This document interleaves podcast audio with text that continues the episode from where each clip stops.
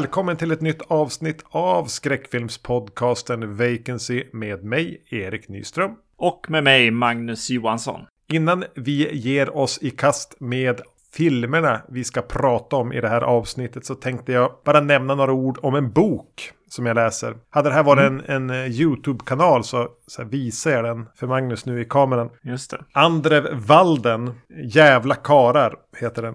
Och ja. anledningen att jag ville nämna det är att under de första, jag kan säga så här, det, det, är, en, det är en uppväxtskildring av en, från en man några år äldre än oss och hans eh, halvtrassliga uppväxt med sin mamma och diverse olika karar. Mm. Innan jag hade hunnit 60 sidor in i den så hade han refererat till mycket tack vare att han under en period under sin uppväxt bodde tillsammans med en av mammas kompisar som hade två tonårssöner som tittade på, hade mycket VHS hemma. Mm. Så raskt hade den refererat till eh, Lucio Fulcis eh, Zombie, yeah. Ten to Midnight ah.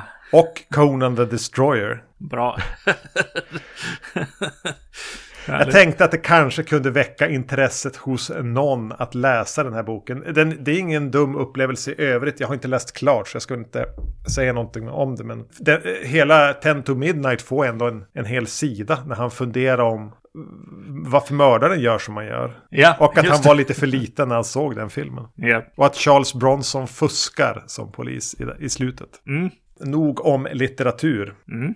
Vad är vi här för att prata om för filmer? Vi ska prata om lite mexikansk eh, film och det är The Panther Women från 1980. Nej, Nej. från 1967 och uh, The Batwoman från 1968 och så har vi en liten bonus där på slutet. Vi tar det då vi kommer dit. Ah, Okej, okay. ja. Eh, det här var någonting som du drog fram. Kan du berätta varför du fick för dig att jaga efter de här filmerna? alltså, de, de, det dök upp i flödet, eh, tror jag, att den här uh, streamingtjänsten som jag glömmer bort vad den heter nu, bara för det, som du har haft där. Mubi. Mubi, ja. Mm. Eh, skulle, skulle visa uh, The Batwoman som visar sig vara en mexikansk fortsättning på något sätt kring Batman. Mm. Det såg väldigt kitschigt ut och jag började tänka på, på Danger Diabolique och, och så. Att det, det, det, är ganska mysigt när vi är där ibland mm. och tittar på lite film. Det visar sig väl kanske vara en lite annorlunda tradition, men ändå ja. ganska mycket eh, Mexiko har väl en halvstolt filmtradition som sträcker sig längre bak än vad jag trodde egentligen. Mm. Mm. För båda de här filmerna tillhör ju något som kallas för, nu vågar jag inte riktigt med på uttalet här, Luchador eller Lucador Films. Precis. Som väl egentligen handlar om att man mixar lågbudget skräck, eh, sci-fi, thriller, med eh, wrestling. Precis, exakt. Och, och gör de här eh, mex eh, mexikanska wrestlarna till eh, superhjältar i princip. Eller agenter eller vad det nu kan vara liksom. Mm. Eh, till liksom lite mer övernaturliga väsen nästan i. Jag såg för några år sedan att det släpptes någon eh, box med eh, en eh, framstående wrestlare som heter Santo som hade mm. flera filmer. Mm. En lång serie. Har du sett någonting av det här tidigare? Nej, det här är första gången jag får, eh, får, får se något av det här. Ja. För jag har ju, ju doppat tårna här tidigare, mindes jag, när jag såg det. Så jag har varit uppe på vinden och grävt och nu fortsätter jag den här YouTube-kanalen. ah, vad kul. Genom att lyfta upp en box här som heter The Aztec Mummy Collection. Mm. Som är en trilogi, snällt uttryckt, av mexikansk skräck från eh, andra Ja, 57 och 58 är filmerna ifrån. Mm. Eh, Attack of the Aztec Mummy, Curse of the Aztec Mummy och The Robot vs. the Aztec Mummy. Och det var någonting med det här som bara... Men varför dyker det upp? Jag känner igen det här med att det dyker upp någon wrestlare som är typ, men typ som Batman ungefär. Ja. Och mycket riktigt i Curse of the Aztec Mummy är Angel som är med i The Panther Ja. Women med som någon slags ja, men, superhjälte som ska hjälpa till i kampen mot någon återupplivad äh, aztek, aztekisk mumie. Jag Mm. minns inte så mycket av de här filmerna annat än att de är korta men ändå väldigt tråkiga. eh, Tillåt Ja. mig fortsätta. Mm. Du minns att vi hade ett avsnitt då vi pratade om Mexik- två mexikanska 80-tals skräckfilmer. Mm. Som hette Cemetery of Terror och Grave Robbers. Alltså Just det. ganska kul 80-talsskräck. Ja. Den är med i en serie som heter Horror South of the Border Volume 1. Här finns det en del andra filmer som vi säkert kommer att hitta till någon gång. Det finns då naturligtvis även en Horror from South of the Border Volume 2 med ett gäng filmer. Då första volymen kretsade kring mexikansk eh, 80-talsskräck så är den här i 60-talet och här, härjar. Jag har inte sett en enda film från den här. Eh, jag minns inte när jag köpte den. Men en av filmerna där är Wrestling Women vs. The Aztec Mummy. Och den är regisserad av René Cardona. Som har regisserat båda de här två filmerna. Yes. Och när jag ändå är inne på eh, temat. Eh, de här var då en serie Crypt of Terror. Så finns det en Crypt of Terror A Collection of Nightmares. Mm. På omslaget där så nu försöker jag visa för Magnus. Någon Eh, clown. Ja, och vet du vem det är som spelar clownen? Nej, det är Tiny Tim. Tiny Tim. Ja. Den här består av, det här är inte mexikansk skräck nödvändigtvis, men det är en som heter Black Candles eller Los Ritos Sexuales del Diablo. En som finns i två klippningar, en, den andra heter Naked Dreams, som jag tror är riktigt jävla elak film. Jag har sett den, det, det, den går över gränser. Eh, och även en som heter Evil Eye, någonting som heter Estigma. De här är från 70-talet eller tidigt 80. Och då Blood Harvest med Tiny Tim som någon slags eh, clown kanske. Mer, Ja. mer än slasher. Jag har sett de här. Minns inte så mycket. Men den här, den här ska vi in i. Mm. Långt intro. Men ehm, jag har uppenbarligen en del mexikansk skräck. Ja. Mer än vad jag trodde. Ja, Nej, men vi kanske kan hoppa in och, och komma till eh, hur, det, hur det känns.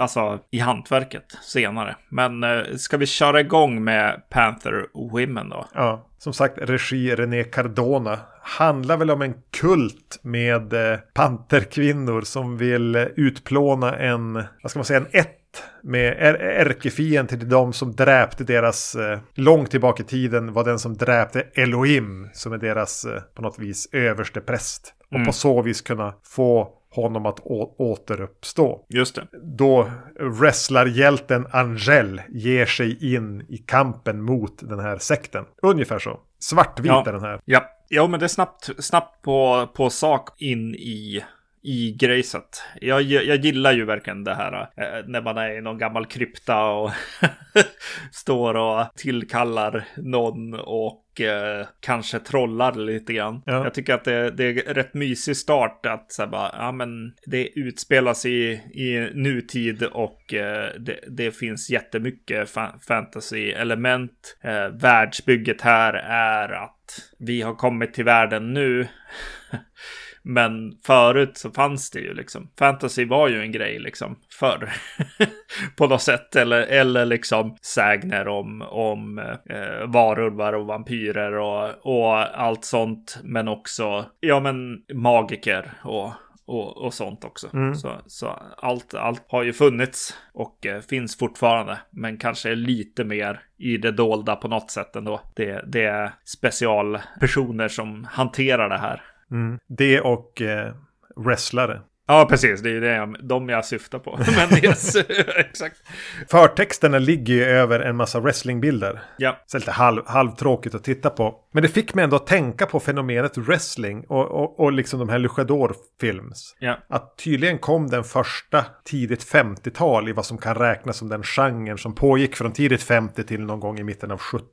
Hade väl sin heyday på kanske 60-talet. Alltså sporten wrestling. ja, Dels hur länge har den funnits? just det. Och även att den fanns, var så stor i Mexiko. Och att den här såg ut ungefär som jag minns den från när jag såg på, tittade på, på eh, Wrestling Hour på TV1000 tidigt 90-tal. Med Bam Bam Bigelow. Och... Nej, nej, det är väl väldigt stort där och i USA och vad heter det, Japan har väl eh, det som jag, jag, har sett i alla fall. Mm. Eh, kulturellt känns som att de har liksom mycket av den här typen av entertainment, eller vad man ska säga. Mm. Ja, jag vet faktiskt inte vad, vad det, hur det kommer sig. Nej, och, och, och, just att man fick, alltså att det fick sånt fäste i Mexiko att man bara göra de här filmerna. Mm. Jo, precis. Jo, det som står ut för med dem, eh, som väl i och för sig japanerna också tagit in mycket av, men det är ju de här maskerna. Ja, de är ju, det är ju, det är ju snyggt. Ja, jo, jo. Förresten, viktig fråga inledningsvis. Såg du den med engelsk dubb? Ja, det gjorde jag. Ja, men det gjorde jag med. Vad bra. Ja. För det är en ganska mustig dubb. Ja, exakt. Yes. De tar ifrån tårna och kanske att det är en liten del av tjusningen. Mm, mm. Jo, det är roligt. Eh, det är kul, kul när det är tydlig dubb sådär. Alltså, konstigt nog så är det inte samma sak som att se italiensk film bara för att man sett det så mycket. Mm. Eh, utan det blir lite speciellt liksom eh, här också och i, i en del så här, ja men Godzilla eh, filmer och sådär. Att det, det är lite, det finns en viss, ja, kulturell bravur som ska ut också mm. kanske kanske? Nej, men alltså någonting som jag reagerar på ganska fort är att jag blir ganska slut eh, av den. Det, det, det, är väl en av de mest jobbiga sakerna med att se den här. Det, det har med ljud att göra också, men det är inte, inte just dialogen, utan det är publiksålet eh, sorlet där i första wrestlingscenen. Eh, det är no sen så kommer det in en magdansscen just efter ja, just det. De kommer direkt på varandra och de tar aldrig riktigt slut.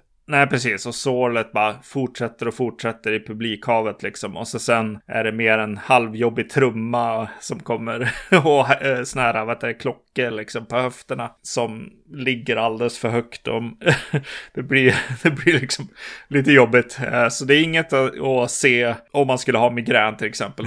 Då, inte, inte en bra film för det.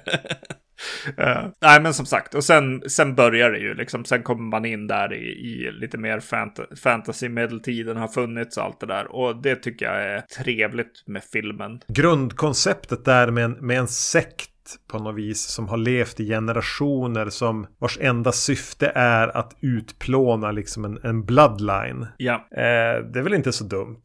Nej, precis. Det är ju väldigt go gotisk skräck liksom. Det är ju Hammer och det är liksom vampyrfilm.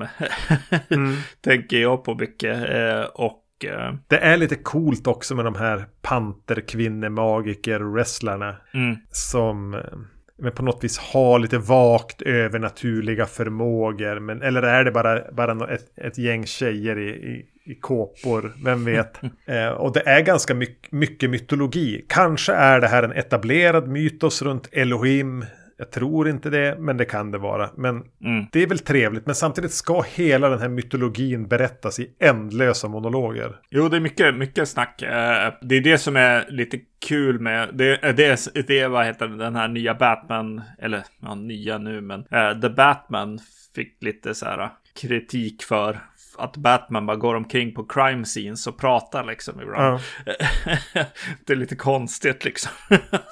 Han går omkring och brudar där inne. Eh, och det, det känns eh, ju som att det är samma sak här. Eh, han Angel eller vad han heter. Han är ju också, ja, lite, står ut lite grann bland alla snutar och sånt som försöker lösa fallet liksom. Eller egentligen den här släkten är det ju. Det är ju syskonen i, i de här släkten som mm går omkring och försöker lösa ett fall här. Och så springer det kring en kille i wrestling-outfit och pratar med dem på fullaste allvar. Ja, exakt. Ja. Bara överkropp och... Ja. Mm. Mm, jo, det blir mycket, mycket stå och tugga och prata. Mm. Uppblandat med lite, med, med lite så här taffliga Batman-slagsmål. Mm. Är det meningen att det ska vara kul? Slagsmålen? Alltså, okej. Okay. Nu kommer du in i något så här. Ja, precis. Det är lite svårt att ta, ta fatt i tonen. Ja. Eller kanske in, intentionen med tonen på något sätt. Eh, för det är inte jätteroligt. Det är inte eh, superseriöst. Eller jo, det kanske det är. Jag, jag vet inte. Eh, jag, jag börjar hela tiden tänka på så här. Jag ville komma till så här. Vad har vi som är svenskt som hade den här? Hade vi någon våg av någon typ av film liksom? Eller? Äh, Åsa-Nisse var det första som kom till mig. Ja, precis. Jag, jag tänkte också att är det Åsa-Nisse? Är det Jönssonligan? Lite så här halv kul men också inte. ja, jag vet inte. Jag, och eh, det här kanske bara är mest tiden, men lite också hur den är fotad. Att det är så här lite bruksfoto på något sätt. Den har liksom inte riktigt någon speciell stil, men den är, alltså den håller som en slaskrulle liksom. Ja, ja. Eh, de har verkligen mycket bara ställt upp kameran, men samtidigt är det väl hyfsat välkomponerat och ljusat det, det, är väl egentligen inget fel på fotot så. Men det, det, är ju inte, det är ju ingen flare i det. Nej, exakt. Jag börjar tänka på några, eh, alltså jag vet inte, ja kanske mannekäng i rött. Det var någonting där som jag började så här, tänka ja, på. Fan är den snyggare fotad. Jo, det är den. Nej, det är lite svårare att få tag i och det är väl Åsa-Nisse. Ja, det kanske är det eh, som man ska tänka på. För jag blir ju nyfiken på hur, hur de här hålls liksom andakten. alltså i det här. Hur liksom. samlas man runt den här? Precis. Det var nog det som jag tänkte på. På mest. Är det så här, åh, den mexikanska själen eller är det någonting som man liksom, om någon reser eller liksom flyttar till Mexiko som man bara, åh, kolla vad knasiga saker vi höll på med. Jag vet inte. Det är svårt att veta. Ja, den är svår att få fatt i, få pulsen på. Yeah. För den är ju till stora delar mördande tråkig. Ja. Men sen kommer det stunder som kan vara lite så här campy kul. Alltså egentligen varje gång det dyker, alltså den här wrestlaren dyker upp. Och de här halvtaffliga scenerna när han springer runt och knuffar på skurkar. Mm. Men även när de ringer han vid ett tillfälle. Och han är som hemma. Ja, och då står han och mm. häller liksom vätskor mellan provrör i sin wrestling-outfit. Precis, för han har ett labb där. Ja. Han är smart, han är en wrestlare och han kan eh, klara vad som helst mm. lite, lite grann så här. Det, det. Sen, sen, får de ju faktiskt liv i den här Elohim. Ja. Som eh, eh, stapplar runt. Och i viss skugga i vissa scener ja. ser han lite spännande ut. Precis, precis. Det är ju kul när han kommer upp där och eh, det är liksom hud och sånt som saknas. Mm. Helt klart. Mm. Uh, han är lite halvdödskalle liksom. Lite Hellraiser tänker jag att det kommer vara att så här, ja, man dödar en familjemedlem från den här släkten så kommer, kommer han se bättre och bättre ut och sen till slut så är han sig själv så att säga. Det, det blir inte riktigt så, men det var det första jag kände när jag såg det. Vad det här kommer bli. Och han är ju som hämtad från en Universal Horror film fast kanske med lite mer uppdaterad eh, make. Ja, det kanske är de filmerna kanske jag ska referera till med fotot. Jag menar, eh, när vi såg mycket Invisible Man eh, filmer och där finns det några som ser ut som den här filmen helt klart och mm. har samma typ av ton också kanske. Vad heter den? De här 50-talsfilmerna, Dem och så de här jätte, jättedjursfilmer ja. och sånt. Så på ett sätt så håller det ju. Alltså konst, eh, konstnärligt eller liksom inte konstnärligt utan eh, foto och, och så. Det här är en film liksom. Mm. Förutom mm. kanske ljudet då. Ja men det är nästan så att, så att, att de faktiskt har kunnat göra det här på film och har haft scenerier och olika platser. Alltså de är på någon nattklubb och det är de här ganska större wrestling-scenerna. Mm. De är lite här och där. Att man, men ni har ändå bemödat er med att göra allt det här för någonting som verkligen på ett sätt är någonting som Roger Corman aldrig skulle ta i med tång. Mm. Vid samma tidpunkt. ja. Så det, ja. det är ju en märklig upplevelse. Eh, inte speciellt angenäm, det kan jag inte säga. Nej, precis. Nå någonting som um, Emil på Titta de snackar på mm. er an andra podd brukar säga att han ogillar när det är för många ingredienser, för många liksom grejer som, som skräms. Ja, liksom, det, det, är inte rent. Sätt. Nej, exakt. Och äh, här är ju kanske då, det i alla fall höjer ju lite. Att, att det faktiskt är så. Att det är så här lite för många element. Att det är just en sekt och varpantrar och en återfödd magiker och med dödskalle ansikte. Ja, bara vanliga magiker och, och så den här superhjälte liknande wrestlern då. Som samtidigt är James Bond eller Batman liksom. Mm. Med sina gadgets och grejer.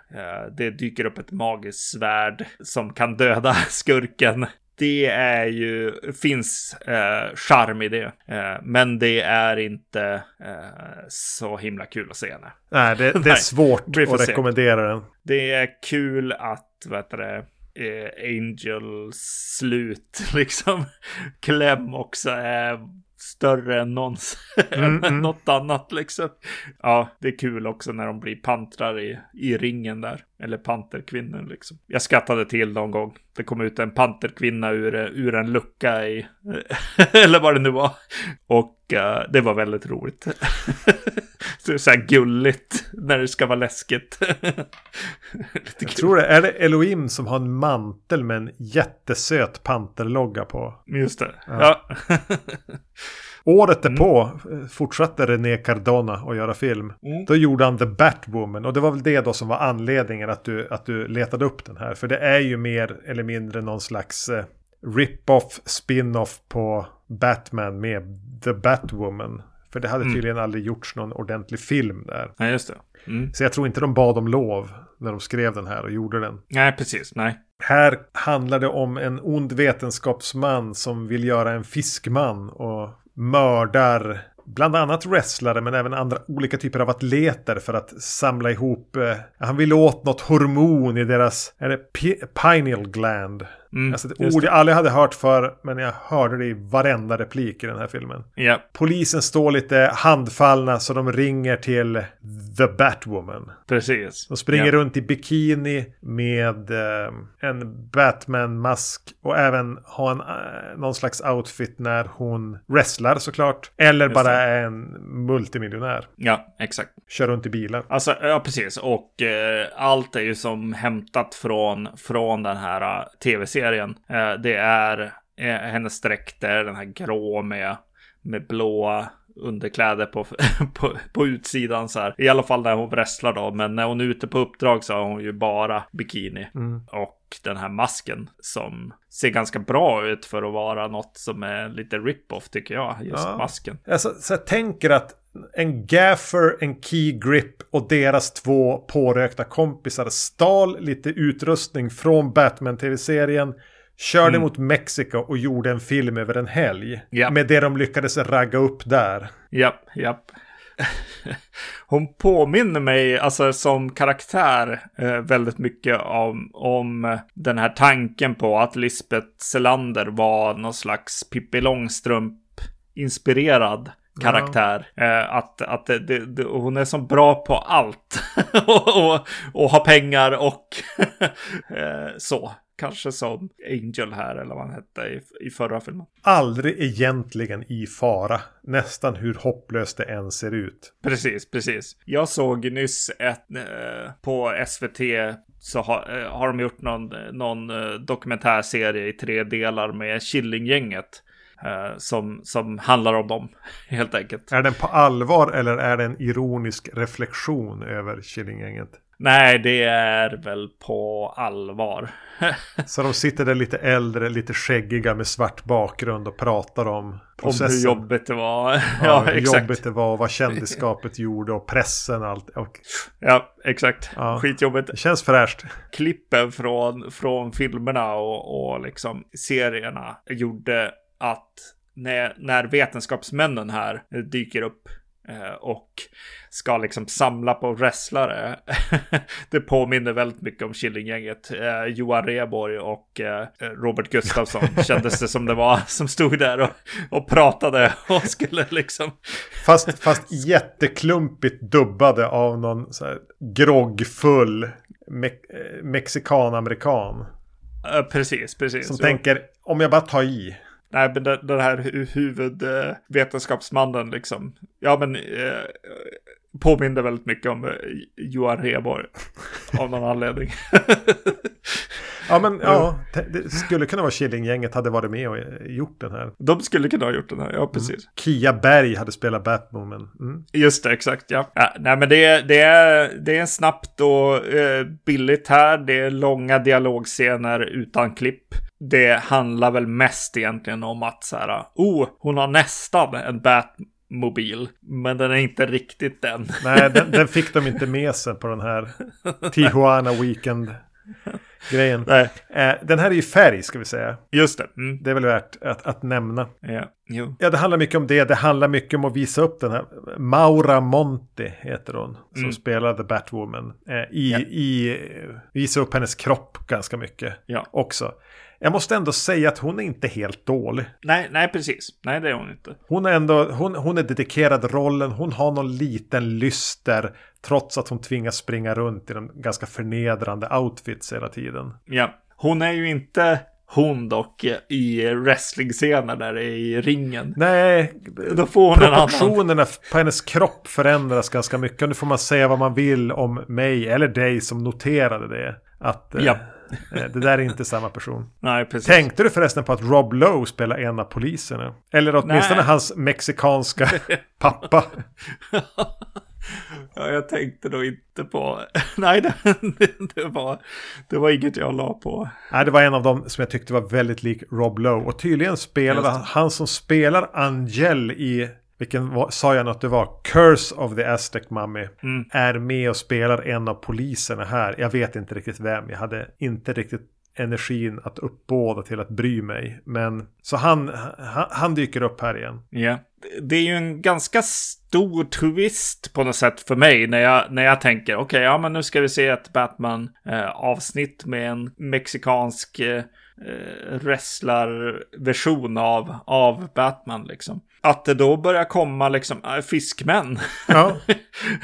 Alltså jag, första scenen när han pratar liksom, man förstår att, att mysteriet här, där har hitspolats i land någon död. Det, är någon ute på en båt där och, och, och, man förstår att här är det en ond vetenskapsman som vill göra en fiskman. Ja. Och hans första försök när de har som någon slags fisk nere i ett akvarium och så har de sprutat in och jag vet inte vad det är, hormoner kanske, enzymer. Och så ska mm. de då göra fisk och släpper de ner typ en He-Man-gubbe där i. Ja. det, var så, det var så himla gulligt att jag blev nästan tårögd. Ja. Och så misslyckas det. Jag tänkte nej, ja, men det är klart det gör. Ja. Ni har ju bara släppt ner en He-Man-gubbe i ett akvarium och slängt ner en brustablett. Alltså det kommer inte att bli en fiskman då. Det blev det inte när jag gjorde det här, när jag, när jag var sju. hade de tänkt att äh, vi skulle tänka att de hade typ krympt en person först? Jag vet eller? inte vad det är. det är konstigt. Jag, jag blev som tårar både för karaktärerna och för de som har gjort filmen. Yep, ja, men yep. Släng ner den här He-Man-gubben där så. Jo, men, men det är kul, alltså när man börjar få grepp på dem, på de här filmerna. Liksom mm. att så bara, ah, okej, okay, det är Were Panthers mm. i ena, ena filmen och här så blir det ju Creature from the Black Lagoon i princip. Han skapar just till slut det. Alltså, ja. då ska, nu, nu är jag supersnäll. Men jag kan mm. vara det ibland. Dräkten som sen den här fiskmannen har på sig, den går lite i rött. Men ja. den är ju inte jätte, jättedålig. Nej, nej. och även återigen det här gulliga. Han har döpt fiskmannen till Pisces. Eller vad är det, typ det latinska ordet för fisk. P-I-S-E-S. Och de pratar om, nej, Pisces, Pisces. Alltså de pratar om. Jag har svårt att ta det på allvar på, som, som, som onda boven. När du, när du har döpt din fiskman till något så lite. Som något skulle, någon skulle kunna döpa katten till. Alltså det, ja. det finns ett band där kanske. Ja, nej men alltså jag menar, det, jag tycker, jag tycker att det är. Den här är ju bättre bättre pacing på. Det, ja, oh ja. det är lite mer. Här blir mer det mer fartfyllt och kul. Eh, jag, tänk, ja. jag tänker mig att du som brukar prata om det, det här som jag inte riktigt har någon relation till, men hängfilmer. Ja, precis. Just uh, The Panther Women är lite för tråkig. Lite för svartvit och bara stillastående. Här är det mer campy kitsch. Ja, exakt. Den här, och den är mer fartfylld. Och kan, kan det vara att den är färg? Att den känns mer men just att man, man tänker på Batman-serien från ja, men typ samtida med den här. Mm. Och att ja, men de har ändå varit ute på havet. De har till och med ganska avancerade dykscener genom något, det är något fiskstim och Batwoman och den här Pisces, eh, fiskemannen. Ja, Naturligtvis är de för långa och lite utan styrsel men de har ändå varit och dykt och filmat och det ser inte dumt ut. nej precis. När jag såg eh, i förtexterna så var det mycket så här om undervattensfoto och sånt. Så jag tänkte att ja okej, här kommer det, kommer det bli lite, lite sånt. Nej men det är ju inte dumt. Detalj jag hade lite roligt åt är ju att en av poliserna där och Batwoman får väl kanske en liten fling. Det händer ingenting men de är lite förtjusta i varandra så han, de, han sover ju över hos henne. Mm. Hon bor ju i en mansion by the sea. Alltså det är ett otroligt cool modern villa vid havet. Hon Ja. går upp och lägger sig i sitt sovrum i sin king size bed. Man tänker, ja vilket av de 17 andra sovrummen ska han få välja då? Mm. Nej men han ligger på typ en hård jävla soffa i något vardagsrum och har tagit några så här mm, dyner som man lägger i, i solstolar och vikt ihop som kudde. Det var, det var vad han fick. Japp. Hon är svårflörtad, Batwoman. Hon Ja, faller ja. inte för en fager karl så enkelt. Han får jobba sig upp i sådana fall. Mm, mm. Ja, nej men, nej men lite, lite, ja, lite bättre helt enkelt. Och eh, lite kul med att se att det blev den här fiskmannen också. Ja. och sen att, att vissa så här, det är lite småfarligt ibland med den så här, de, de, de sätter eld på vattnet vid något tillfälle, eh, alltså med, med bensin typ. Och så bara tänder de eld. Då är det någon i den här fiskmandräkten som bara poppar ut lite snabbt ur vattnet och, och ner igen i lågorna här. Och det, det känns farligt. Det är eh, en rätt häftig stunt, tänker jag. Att det blir, blir så här, det där skulle inte jag vilja göra.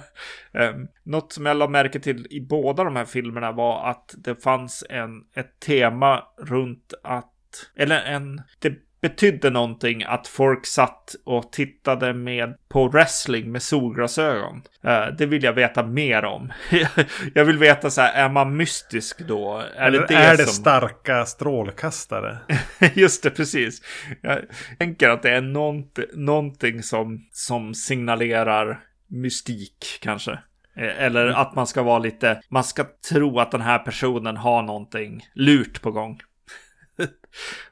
Det är min analys av, av det. Att sitta i mörkret med solglasögon och titta på wrestling. Ja, ska man se en av de här två filmerna, vilket man kanske inte behöver göra, men ska man se en av dem så skulle jag ju då definitivt säga se då The Batwoman. Ja, precis. Ja. Men eh, du kan även göra annat med ditt liv. Mm. Men blir du sugen på mer eh, mexikansk wrestlingfilm? Alltså, det är ju lite, blir du sugen på mer Batman-serien? Ja, kanske.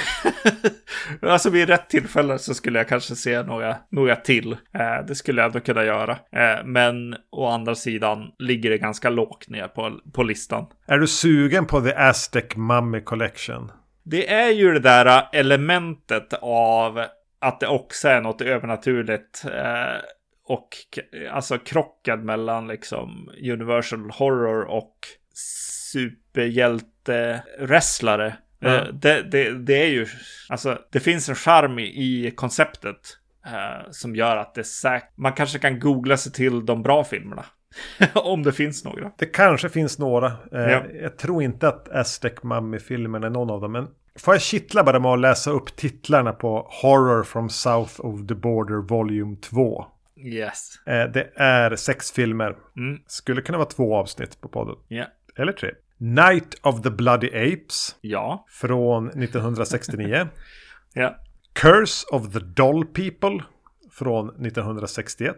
Mm. Eh, Spiritism från 62. Där vill jag läsa eh, vad den handlar om. Satan gives a woman three wishes in this version of the classic tale The Monkey's Paw. Sen har vi New Invisible Man. Ja. Den låg där i min, på min vind hela tiden när vi gjorde vårt in, Invisible Man-tema här om året. Ja. Missade det. Den är från 58. Sen har vi då Wrestling Women vs. The Aztec Mummy Ja. från 64. Och från 63 Doctor of Doom. Då får du också eh, Ja. plotten här. Och det är A mad scientist translates, translate plants a brain into one of our lady wrestlers creating Vendetta, a Ja. superhuman wrestler. Det är nog den Mm. som kommer att vara bäst. yes. Ja, jag har gett, ba- bara på mitt skrivbord nu har jag otroligt många eh, avsnitt. Så, så du eh, blev mer sugen, eh, hörs det, låter det som. Ja, kanske grävaren. mer Mexiko, mindre wrestling. Mexiko, absolut. Ja, precis. Det, det känns eh, spännande. Jag tycker att de, bara på de här så känns det som att det är något att titta på. Det är liksom amerikanskt, men, näst, men bara nästan. Eh, Men är, är det så här, det är Italien fast lite närmare USA. ja, exakt, ja. ja. Förlåt Precis. Mexiko för att jag, det var det jag kallar det nu. Men, det är ju för att vi började någon annanstans. Helt enkelt, ja. ja. så eh, det här kommer vi att utforska mer av. Men Mm. om jag hör av mig och säger vad sägs om att slänga på en tredje film så är det ofta ett tecken på att jag känner att jag har ingenting att säga om de filmerna jag just har sett. yes. Eh, det är och bra. någonstans i mitt bakhuvud, det började inte där ska jag säga. Nej. Utan jag hade läst en intervju någon gång i höstas eh, med eh, en regissör som hade gjort en prequel till en film, en remake som vi har pratat om. Nämligen eh, Pet Cemetery Bloodlines. Mm. Som då skulle vara en direkt i video, så här, köra lite filmfestival-tours. Och både den som då höll intervjun, alltså det var som eh, inramat av en artikel med, med delar av en intervju, sa ändå att utifrån förutsättningar, budget, så är det här en kul liten film. Missa Ja. den inte ändå. Det här är inte så dåligt som ni tror, var lite andemeningen. Sen glömde jag bort den. Sen såg jag den flasha förbi i anslutning till att jag kände hur fan ska jag ha någonting att säga om de här mexikanska filmerna? Så då tänkte jag, ska vi inte bara lägga på Pet Cemetery Bloodlines på det här avsnittet? I och med att vi har pratat om resterande delar av eh, Pet Cemetery-serien, om man ska kalla det för det. Precis. Och du nappade utan att veta vad jag hade tänkt lägga på. Ja, exakt. Blev, blev lite halvbesviken när jag hörde vad det skulle vara. Men den, har, den har, är ju i sån här eh, hyr, eh, hyrsvängen just nu. Ja, eh, ja. På, på liksom Apple TV eller vad det nu kan vara. Så att jag har ju faktiskt scrollat förbi den och varit så här bara, ja, ja, det där måste vi ju se någon gång. så att... Det är lika bra att få det gjort. Vi river Exakt. av det plåstret. Precis. Det är som sagt var en prequel och berättar då om, vad heter han? Heter han Judd Crandall? Grannen här som Mm. får vara den, den vise gamle mannen i ja, båda versionerna av eh, Pet Sematary och i boken. Här får vi se hans eh, tid som i sena tonåren måste vi väl säga att det är. Just det. Mm. Eh, sent 60-tal. Och hans eh, upplevelser av den här onda kraften i skogen, djurkyrkogården. Mm. Den är skriven och regisserad av någon som heter Lindsay Anderson Beer. Mm. Som jag inte kan koppla till speciellt mycket annat. Det här var hennes regidebut. Just det. Hon jobbar tydligen på att få göra en eh, version av Sleepy Hollow. Ja, Okej, just det. Det är, finns ju en till manusförfattare här som säkert har lämnat över till henne. För det är samma manusförfattare som till den här remaken som kom för ett tag sedan. Visst var den jättedålig? Men Den var otroligt dålig.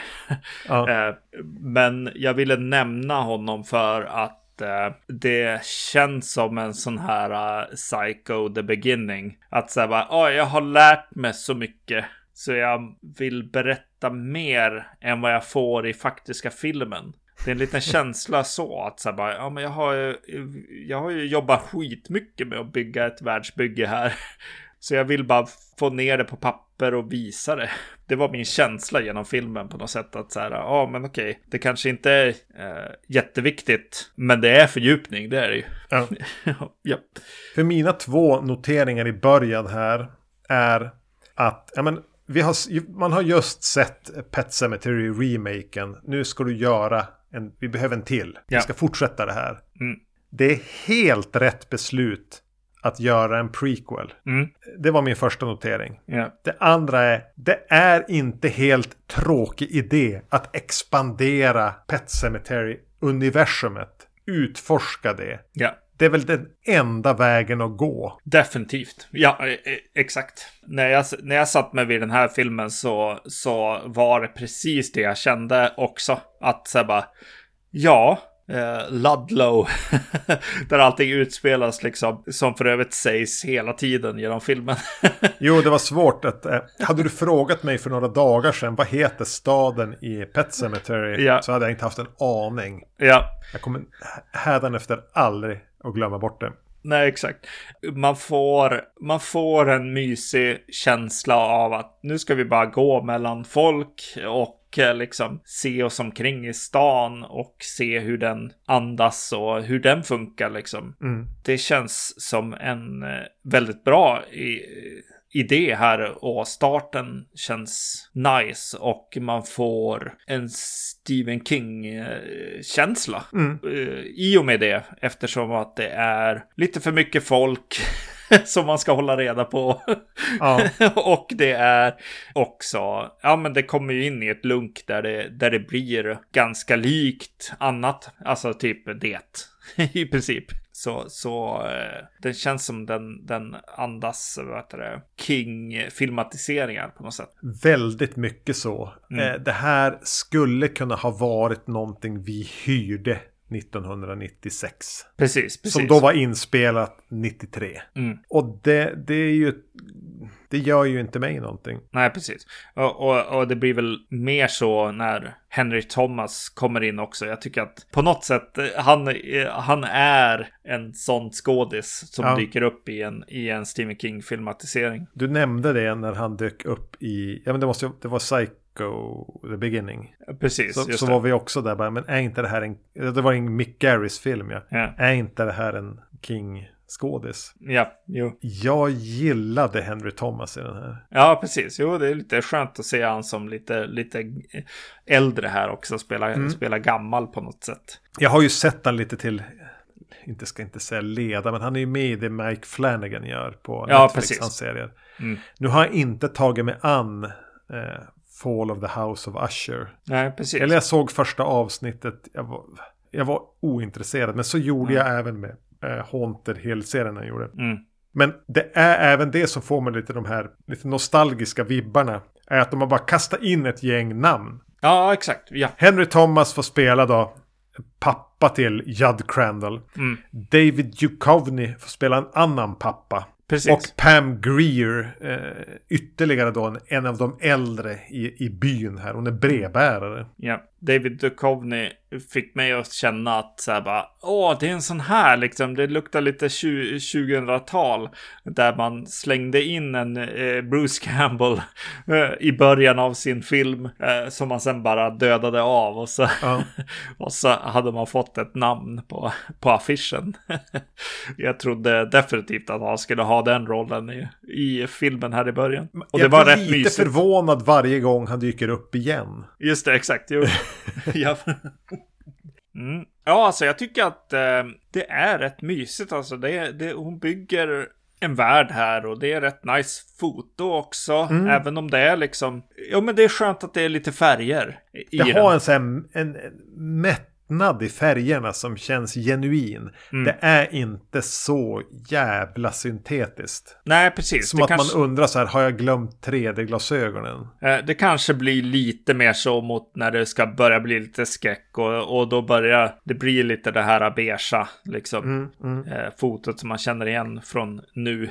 Eh, men ganska långt i filmen så, så håller den uppe en lyster som, är- som är annorlunda helt enkelt. Och kul. Och de har betalat för att ha med en Creedence-låt och de har betalat för att ha med en The Band-låt. Så Mm. det jag även tycker är ge en spännande kittling kring hela dramat i den som kanske framförallt genomsyrar första tredjedelen. Det är ju de här ständiga antydningarna om att våran huv, våran hjälte har eh, blivit med hjälp av pappas kopplingar sluppit bli draftad till, till militären. Just det. Mm. Det sägs heller, det sägs aldrig rakt ut att det inte är så. Nej. Och förmodligen är det ju så. Och att eh, David Duchovny och hans son liksom är bittra med all rätt. Ja, precis. Mm. Jo. Det, det är sånt här som ändå också bara li, lite bygger storyn. Jo, men precis. Jo. Så, så paletten här med den här lilla Stephen King-staden.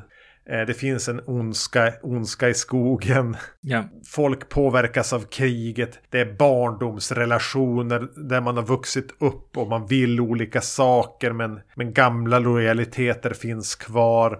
Det är inte alls dumt. Nej. Sen ska vi ju in i ett mysterium här. Och, Mm. och den här onda kraften i skogen. Eh, och Ja. att någon kanske, alltså och även expandera viljan bakom det. Mm. Och det blir för mig lite oklart vad mysteriet är. När det egentligen verkar vara så att alla vet.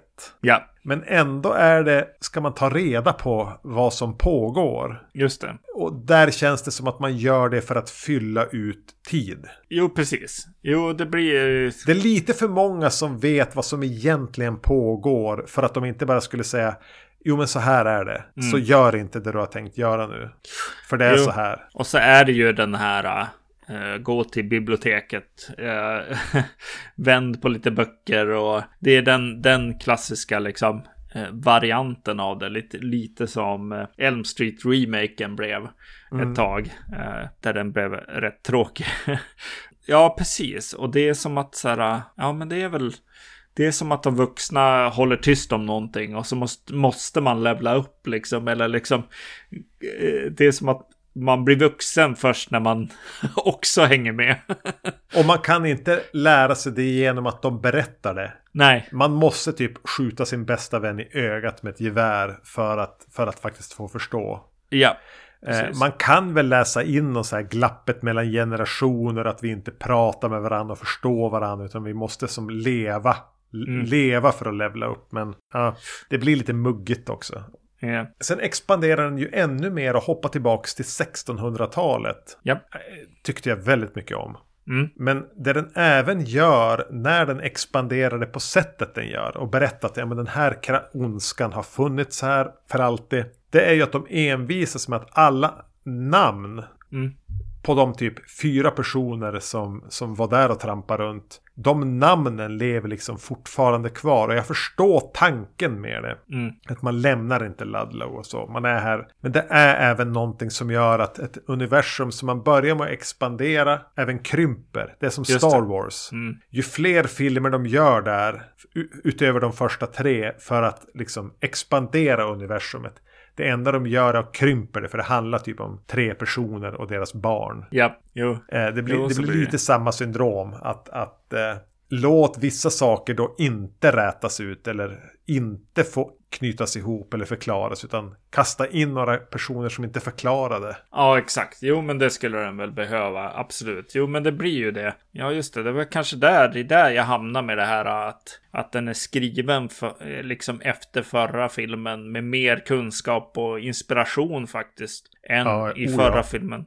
Och eh, de, de vill liksom leva sig in i, i världen mer och bli liksom ingrottade. Och det kanske leder till att det blev, eh, det blev lite så här att, att vad det, den blev stor och sen krympte den. Ja, jo, alltså bara.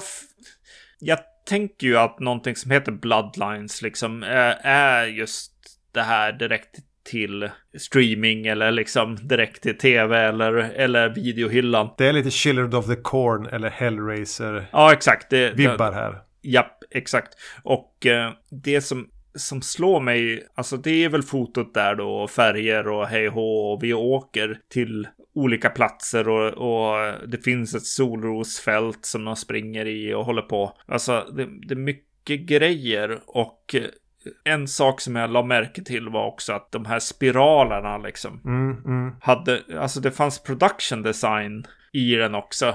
För det, för det Nästan någon lite för mycket nedskruvad sådan. Just det. Ja. men alltså den är, med spiralerna här, det är ju inte dumt sättet de dyker upp. Nej, precis. Men det är så underspelat, vilket kanske i och för sig är styrkan med det, Mm. men Ja, precis. Det är någon tavla, det är liksom, de, de åker förbi liksom upp på något på något tak och då har liksom, vad säger man, gaveln eller någonting liksom Mm. på taket har en liten spiral liksom symbol inmålad. Och det är ju det här typiska kingiga. Det finns en ondska någonstans som en typ en, en pöl eller någonting med bara svart kokande ondska. Ja. Och, och allting i närheten där påverkas och smittas av den. Ja. Även människor, djur på olika sätt. De dras mot eller influeras av det. Att det är inte konstigt att de här alltså att spiralen som finns på kyrkogården där Mm. färgar av sig. Det, ja, Ja, jo. Alltså jag vet inte. Det kanske inte är jättebra, men det är också så här bara, ja, alltså det var dags för en så här lite mer gammal, vanlig, hederlig skräckfilmsslutstrid också. de Ja. kryper i tunnlar och det är ler. Ja, och de skjuter eh, flare guns och grejer. Precis, det är, det är inte jätteofta det känns så i, i skräckfilm. Eh, men det är väl stora flörten med King-filmer helt enkelt på något sätt. Ja, det blev en King-film. Kanske att så här, Halloween-remaken fick en liten sån typ av slut. Men det, ja, det är inte ofta sådär som det dyker upp. Eh, att, att alla har ett vapen liksom och springer runt. Jag tyckte faktiskt även om lite den här ångestskapande scenen av hjältens eh, flickvän som eh, ligger i det här typ lerbadet och håller på att drunkna i det. Ja, Och liksom utkämpa sin egen kamp egentligen oberoende av vad de andra håller på med. Ja. Och man, Jo. hon håller på att drunkna. Man vet att hon inte kommer att göra det. Men det fanns någonting i det och paniken där. Mm. Som inte, alltså den är ju inte perfekt. Den kanske Nej. inte ens är bra. Men den, den är ju, den har något. Jo, alltså precis. Nej, men det är ju det. Alltså se den här frå- alltså, i kombination eller efter att ha sett eh, remaken. eh, som väl säkert hade mycket mer eh, folk som ville ha ögat på den eller ja, jag vet inte vad som hände. Ja. Men det var, den är ju inte, den var inte bra. Jag var irriterad när jag såg den minns jag. Mm. Men eh, i kontrast till den så är det ju här en kul film som tar en tillbaka eh, till en tid där man också tyckte att film inte var helt bra. Men, Men, att det man, inte blir, gör ingenting. Eh, man blir nostalgisk mot eh, till hyrfilmen på något sätt och, uppföljare eh, helt enkelt efter eh, Fredagen 13 4 eller, eller alla vad heter det, Children of the Corn-filmer som vi har sett. Det är den vibben i den här filmen. Mm. Ja, eh, det finns väl inget mer att säga. Om någon Mm. av de här tre filmerna. Nej, Nej, precis. kanske skulle haft en fjärde. Ja, precis. Yes. Ah, nej, jag är Nej. jättetrött. Jag måste få Yes. gå och lägga mig. Ja. Vi har inte pratat ihop oss om vad som blir nästa avsnitt. Så eh, det kommer som en glad överraskning när det dyker upp. Mm, precis. Eh, ja, Ja. ni hittar oss på Spotify. Tydligen kan man eh, gå in och betygsätta där. Yes. Jag har fortfarande inte gjort det själv. Men, det. men gör gärna det. Eller ge oss det betyg ni tycker att vi förtjänar. Ja. Eh, eller och tala om för eh, era vänner som behöver en skräckfilmspodcast i sina liv att vi ju finns. Och vi har en jävla backkatalog att, dyka ner i. Yes. Ehm, Annars podcast at vacancy.se för er som föredrar e-post. Vi finns på Facebook. Vi finns på Instagram där jag heter Erknym. Och jag heter Zombie Magnus. Annars finns vi nog där poddar finns. Yes. Vi säger hej då. Hej då.